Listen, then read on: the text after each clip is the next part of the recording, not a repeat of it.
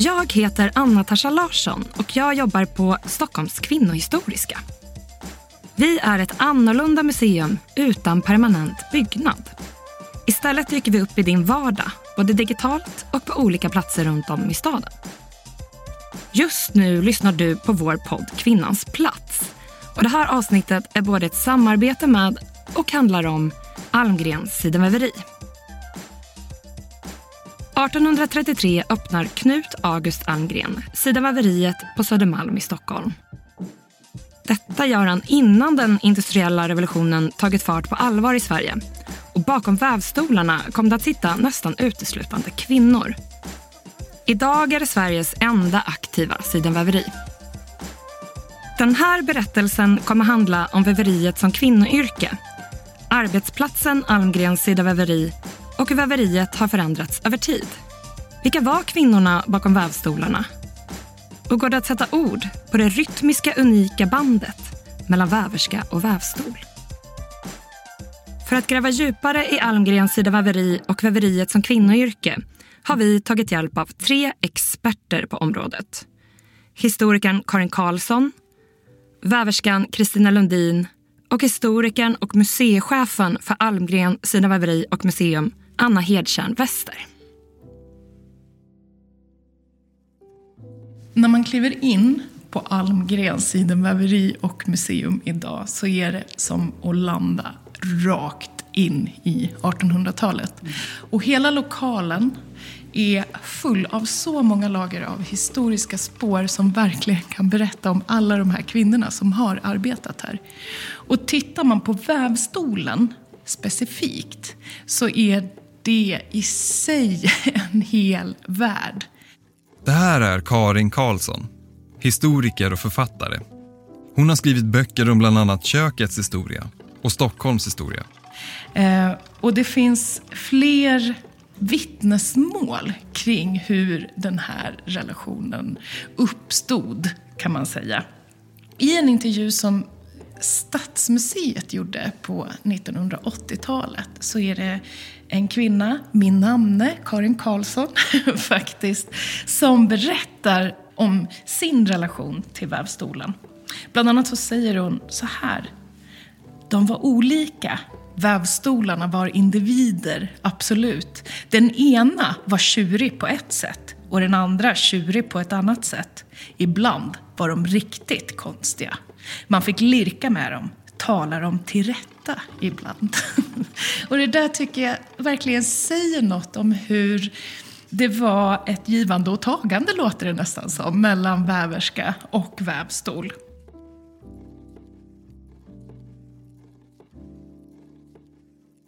Jag heter Kristina Lundin. Jag jobbade här som sidenväverska mellan eh, 1966 och 1968. Jag, jag vävde band, ordensband, och det var det jag gjorde.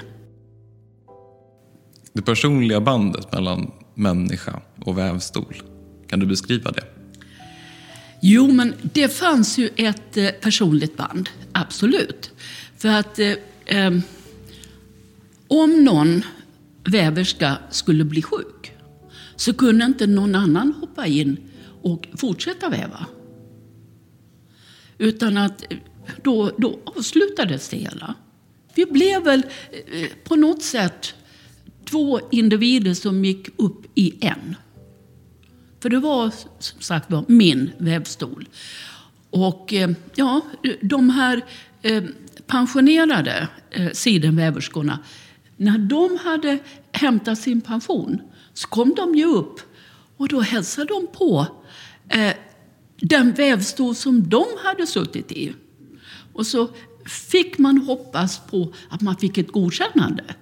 Du får sitta i den här vävstolen. Den vävstolen som man hade, på något sätt så blev ju det ens egen egendom.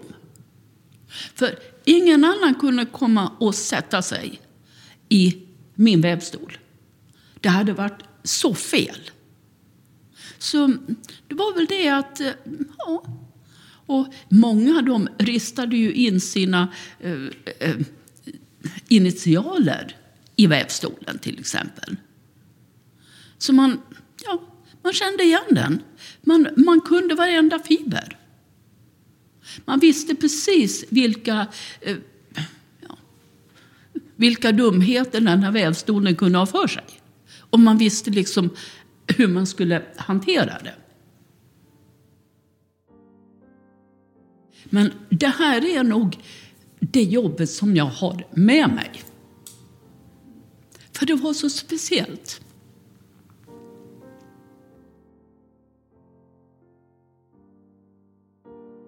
Jag heter Karin Karlsson, är historiker och och eh, den senaste tiden så har jag rört mig i Almgrens sidenväveri och museums lokaler för att plocka fram lite ny och väldigt spännande historia om väveriets verksamhet. Sidenarbetare som tog sig till Almgrens under den här tiden gick ju igenom ett helt annat samhälle och gatorna såg helt annorlunda ut. Eh, för det första så lät det annorlunda, eh, kan man säga. Det var hästhovar och vagnar som eh, satte spår i stadsljudet. Det här var ju långt innan det fanns bilar och cyklar, utan man gick eller så tog man häst och vagn. Sen eh, gissningsvis luktade det rätt illa, för längs med gatorna så forsade eh, köksslask och eh, det var djurbajs. Och, eh, eh, så den typen av avfall eh, for längs vägarna.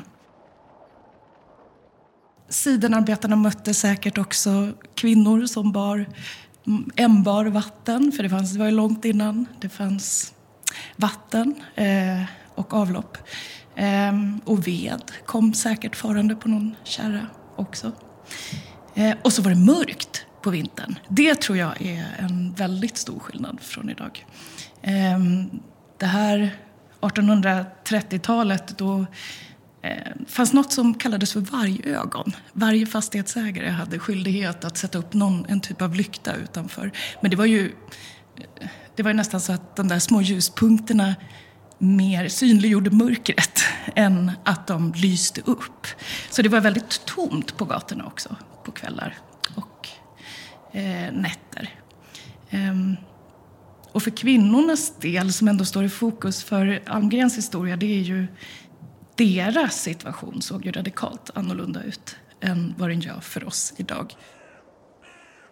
En kvinna som arbetade som väverska var Jenny Lindberg och hennes liv är ett bra exempel på hur en sidenväverskas liv kunde se ut. Hon föddes 1873 och hela familjen bodde tillsammans på Prästgårdsgatan 24 när Jenny växte upp. Hon och hennes syster började arbeta på ett annat sidenväveri i Stockholm vid den tiden. Kasparsson och Schmitts sidenfabrik. De började som spolerskor och blev till slut väverskor med tiden. Arbetsdagen var lång från sju på morgonen till sju på kvällen. Under tidens gång började Jenny väva allt mer komplicerade mönstrade sidentyger. 1904 stängde Kasparsson och Schmitts sidenfabrik. Jenny och hennes syster började arbeta vid Almgrens istället som var det enda sidenväveriet som fanns kvar. Här fortsatte de båda att väva sjal och möbeltyger men även bildväv och ordensband. Jenny bodde ihop med sin syster nästan hela livet. Ingen av dem gifte sig eller fick barn. De flyttade runt på flera olika adresser på Södermalm och några år efter att Jenny gått i pension gick hennes syster bort. Jenny var en av många kvinnor som arbetade inom textilindustrin Enligt historikern Karin Karlsson finns det flera anledningar till varför vävaryrket kom att bli kvinnodominerat. Om vi tittar på hur arbetet har sett ut över tid så, så eh, kan vi se att det är och har varit skiktat mellan män och kvinnor. Och män och kvinnor har tilldelats olika arbetsuppgifter. Och det här har också varit kopplat till föreställningar kopplade till vad man då har tyckt varit ja, men det, här är, det här är kvinnor bra på, det här är män bra på. Eh, och det här ser vi ju än idag. Eh, sjuksköterskeyrket är ju fortfarande flest kvinnor. Eh, kollar vi bland brandmännen så är det mest män fortfarande. Så det här sitter ju fortfarande kvar. Eh, och det finns ju forskare som har Eh, benämnt det här på olika sätt eh, för att visa hur...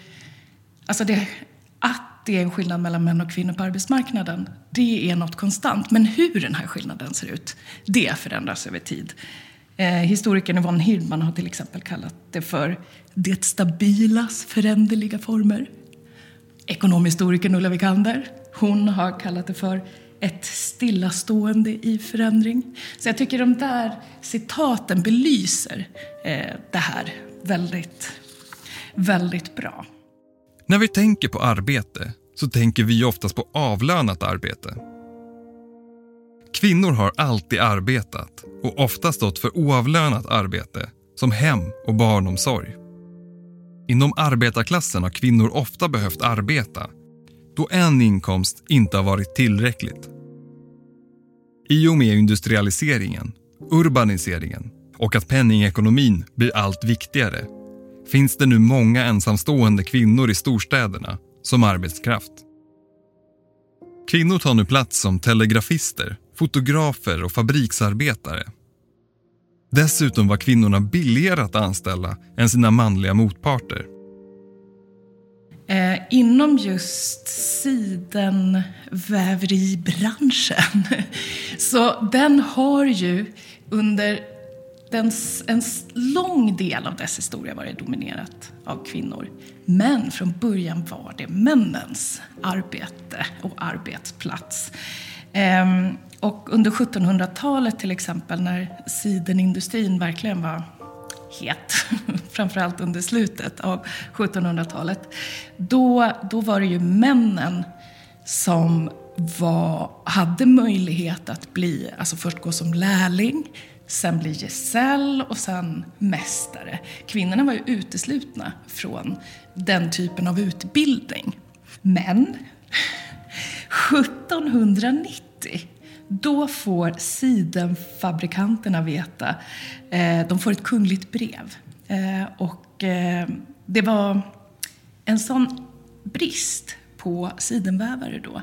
Så då får eh, sidenfabrikanterna ett kungligt brev eh, att om det nu var brist på skickliga manliga vävare så kunde de få dispens då och anställa kvinnor. Eh, och sen tar det inte lång tid innan kvinnorna faktiskt dominerar eh, vid vävstolarna, att det är fler kvinnor än män. Men mästare blev de ju aldrig. Det fanns många formella hinder för att kvinnor skulle få högre lön. Ett av dem var att man menade på att kvinnor saknade utbildning, vilket de var utestängda ifrån till att börja med. Under 1870-talet då får kvinnor möjlighet till högre utbildning, alltså de kunde gå på universitetet. Men inte alla. Eh, de kunde inte plugga vad som helst, juridik till exempel och teologi, det, där, där fick de inte komma in. Men det intressanta är att trots att dörrarna till universiteten öppnas så kunde de inte få plats på läroverken förrän under 1920-talet. Så att för att få en utbildning, då gällde det att man kom från en familj som dels tyckte att det var okej för kvinnor att utbilda sig, ehm, men som också hade ekonomiska möjligheter att låta dottern utbilda sig privat. För det var den möjligheten eh, så, de hade. Men sen finns det också en rad lagar eh, som har hindrat kvinnor från att arbeta. Eh, till exempel eh, nattarbetsförbud. Det kommer 1909 som eh, hindrade kvinnor att ta jobb till exempel i fabriker på kvällar och nätter. Eh, eller förbud för kvinnor att arbeta under jord. Så det är ett exempel på hur man eh, ja, har gjort skillnad mellan män och kvinnor på arbetsmarknaden. Eftersom att Almgrens sidenväveri huserat så länge på Repslagargatan i Stockholm finns det många historier dokumenterade från de som jobbat där. På mitten av 1960-talet kastades en 17-åring från Dalarna in i väveriets historieböcker. Eh, hur såg en vanlig dag ut på väveriet? Ja du, den var väldigt eh, enahanda. Det här är Kristina Lundin. Hon har arbetat på Almgrens sidenväveri på 60-talet. Du kom till jobbet på morgonen. Du satte dig i en vävstol.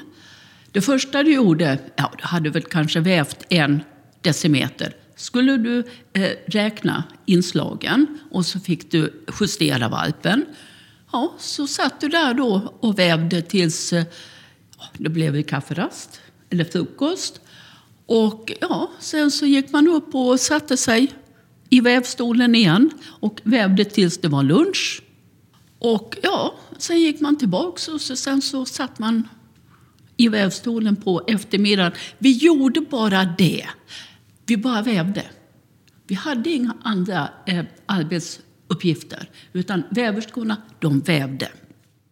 Men vad tänkte du på när du satt och vävde så här dagen i ända?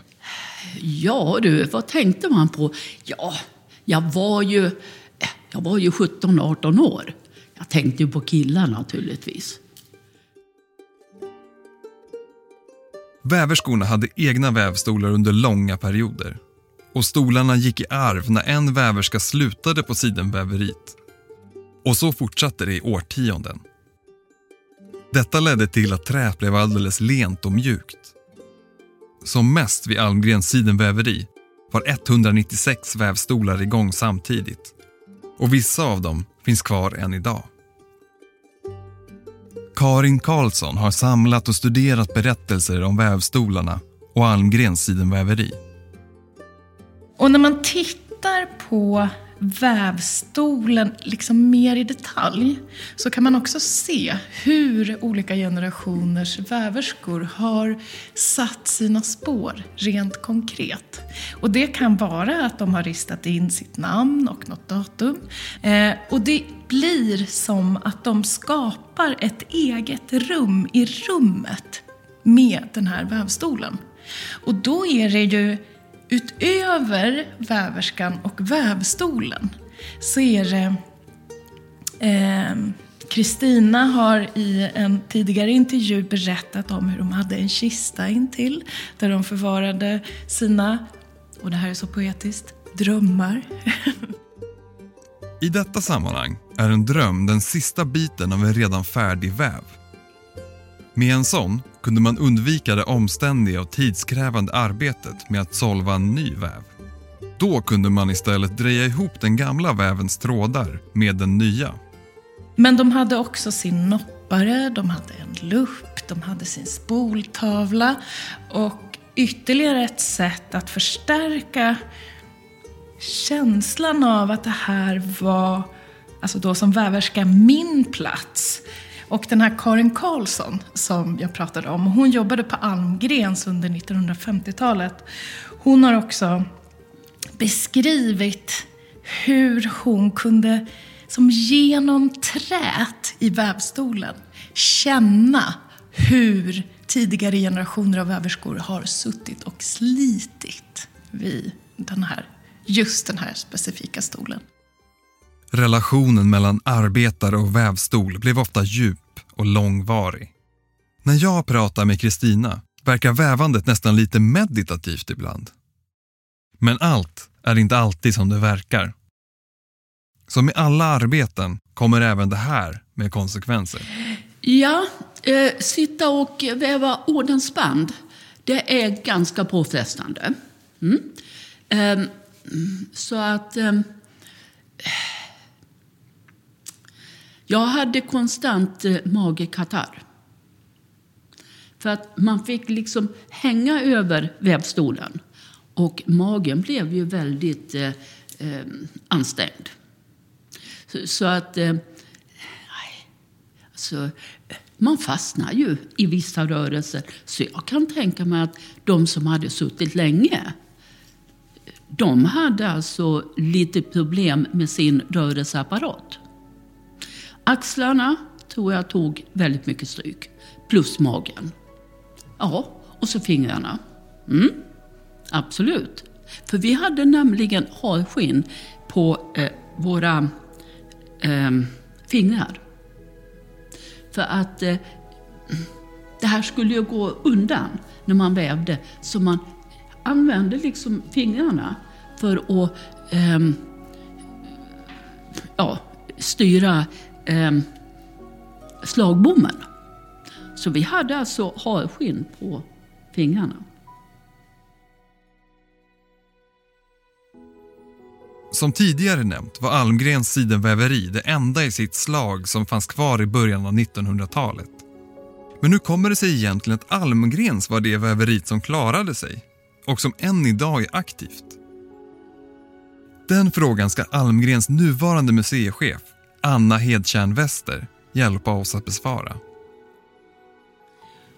Väveriets 1900-tal skiljer sig ganska mycket från väveriets 1800-tal kan man säga. Ehm, Knut August han dog ju på 1880-talet och så tog hans son över, Oskar Maurits. Ehm, och då var ju firman i sin, sina glansdagar. Man hade ju produktion i fyra fastigheter och det var 196 vävstolar och 280 anställda. Och, eh, huvudkontor så småningom på Kornhamnstorg i en stor fastighet. Men ganska så snart så började det ju krympa verksamheten och det hänger ju ihop med att siden inte var så efterfrågat helt enkelt. Eh, under 1900-talet kommer det också många nya material och också mycket konstfibrer. Och för att så att säga möta den nya tidens eh, behov och efterfrågan så startade man andra verksamheter vid sidan om sidenväveriet. Så att redan på slutet av 1800-talet så hade man ju startat Kravatten där man sydde slipsar av sidentyg som vävdes här.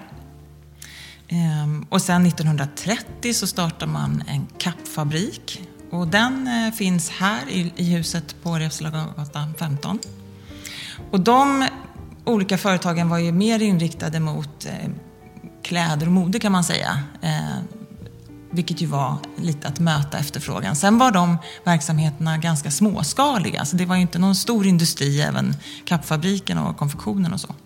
Men sen eh, eh drabbades ju både Almgrens sidenväveri och kappfabriken och konfektionen och alla, alla de här olika verksamhetsdelarna eh, av tekokrisen när den slog igenom på 1960 och 70-talet. Eh, så att, eh, då stängde ju verksamhet efter verksamhet ner. Eh, men inte visste man då, 1974, när Almgrens sidenväveri då stängde, att det skulle återuppstå 1991. Och sen 1991, vad hände då? Jo, då kom det en ny generation Almgren eh, som eh, eh var Oskar Almgren som 1991 startade verksamheten igen. Och han öppnade festlokal i källarlokalen, han kallade det för Sidenkällaren. Och så var det visningar här uppe, lite som ett paket. Men han gjorde också en, en utställning i, vävsalen och så. Men viktigare ändå var att han faktiskt lärde sig att väva och anställde vävare och kickade igång produktionen. Och det är ju liksom en eh, jätteviktig eh, insats för att vi finns kvar idag. Oskar Almgren han startade ju då verksamheten 1991 och, och, drev det vad jag förstår som ett aktiebolag. Men sen eh, från 2002 så ombildades verksamheten till en stiftelse. Och eh, det är det ju än idag. Eh, så att nu är det inte längre en Almgrens familjeverksamhet utan en eh, både ett sidenväveri och ett museum. Så det är en kulturarvsinstitution kan man säga, där vi har eh, stöd då från Stockholms stad och Region Stockholm framför allt. Så att man har på något sätt eh, eh, just det här vikten av att bevara och utveckla det här som ett kulturarv snarare än att förvänta sig att det ska bära sig eh, av sin egen kraft, så att säga. För det är ju svårt att få ekonomisk bäring i sidenproduktion i den här skalan. 1800-talet kan kännas långt bort när det gäller jämställdhetsfrågor. Men finns det likheter då som nu inom vilka som arbetar inom textilindustrin? Jag tycker att det finns, eh, att det är möjligt att dra de här parallellerna därför att idag finns det ju nästan ingen textilindustri i Sverige kvar. Alltså tekokrisen eh, gjorde ju att väldigt många bolag la ner. Vi hade ju en omfattande textilindustri i Sverige fram till tekokrisen som ju då står för textil och konfektion. Så det är både tygframställning och klädframställning som vi, man gjorde i Sverige fram till 60, 70, 80-talen. Men det var ju också en produktion som eh, hade blivit dyrare just i och med att arbetsvillkoren hade blivit bättre i Sverige. Och det har ju att göra med fackets eh, arbete och, och arbetarrörelsen som har liksom förbättrat arbetsvillkoren. Då blir det ju produktionen dyrare och det är ju någonting positivt. Men då måste man ju också stå pall för import från länder som fortfarande har låga löner. Och det klarade man ju inte upp riktigt, utan det var ju därför som eh, bolag la ner eller flyttade sin produktion. Och idag så produceras ju eh, de mesta textilierna i andra länder, också utanför Europa. Eh, och de paralleller man kan dra är väl att, eh, eller egentligen flera, dels så är ju det är ofta en kvinnoarbetsplats, kvinnodominerad eh, arbete att jobba med textil. Och om man ser på till exempel Bangladesh som har en textilindustri som eh, har blivit väldigt omfattande för det landet Eh, så erbjuder ju det kvinnor som kanske inte har haft tillgång till arbetslivet eh, en egen försörjning. Och det är ju också någonting positivt. Det som är så svårt är ju att de inte får tillräckligt mycket lön för att leva på sin, sitt arbete. Och det är ju så det hänger ihop. Alltså vi köper billiga kläder. Och det är ju för att de som producerar våra kläder eller våra textilier har för låga löner. Det, det är liksom egentligen en ganska enkel matematik. Det är liksom alltid någon som betalar kostnaden för den där t-shirten för 50 kronor.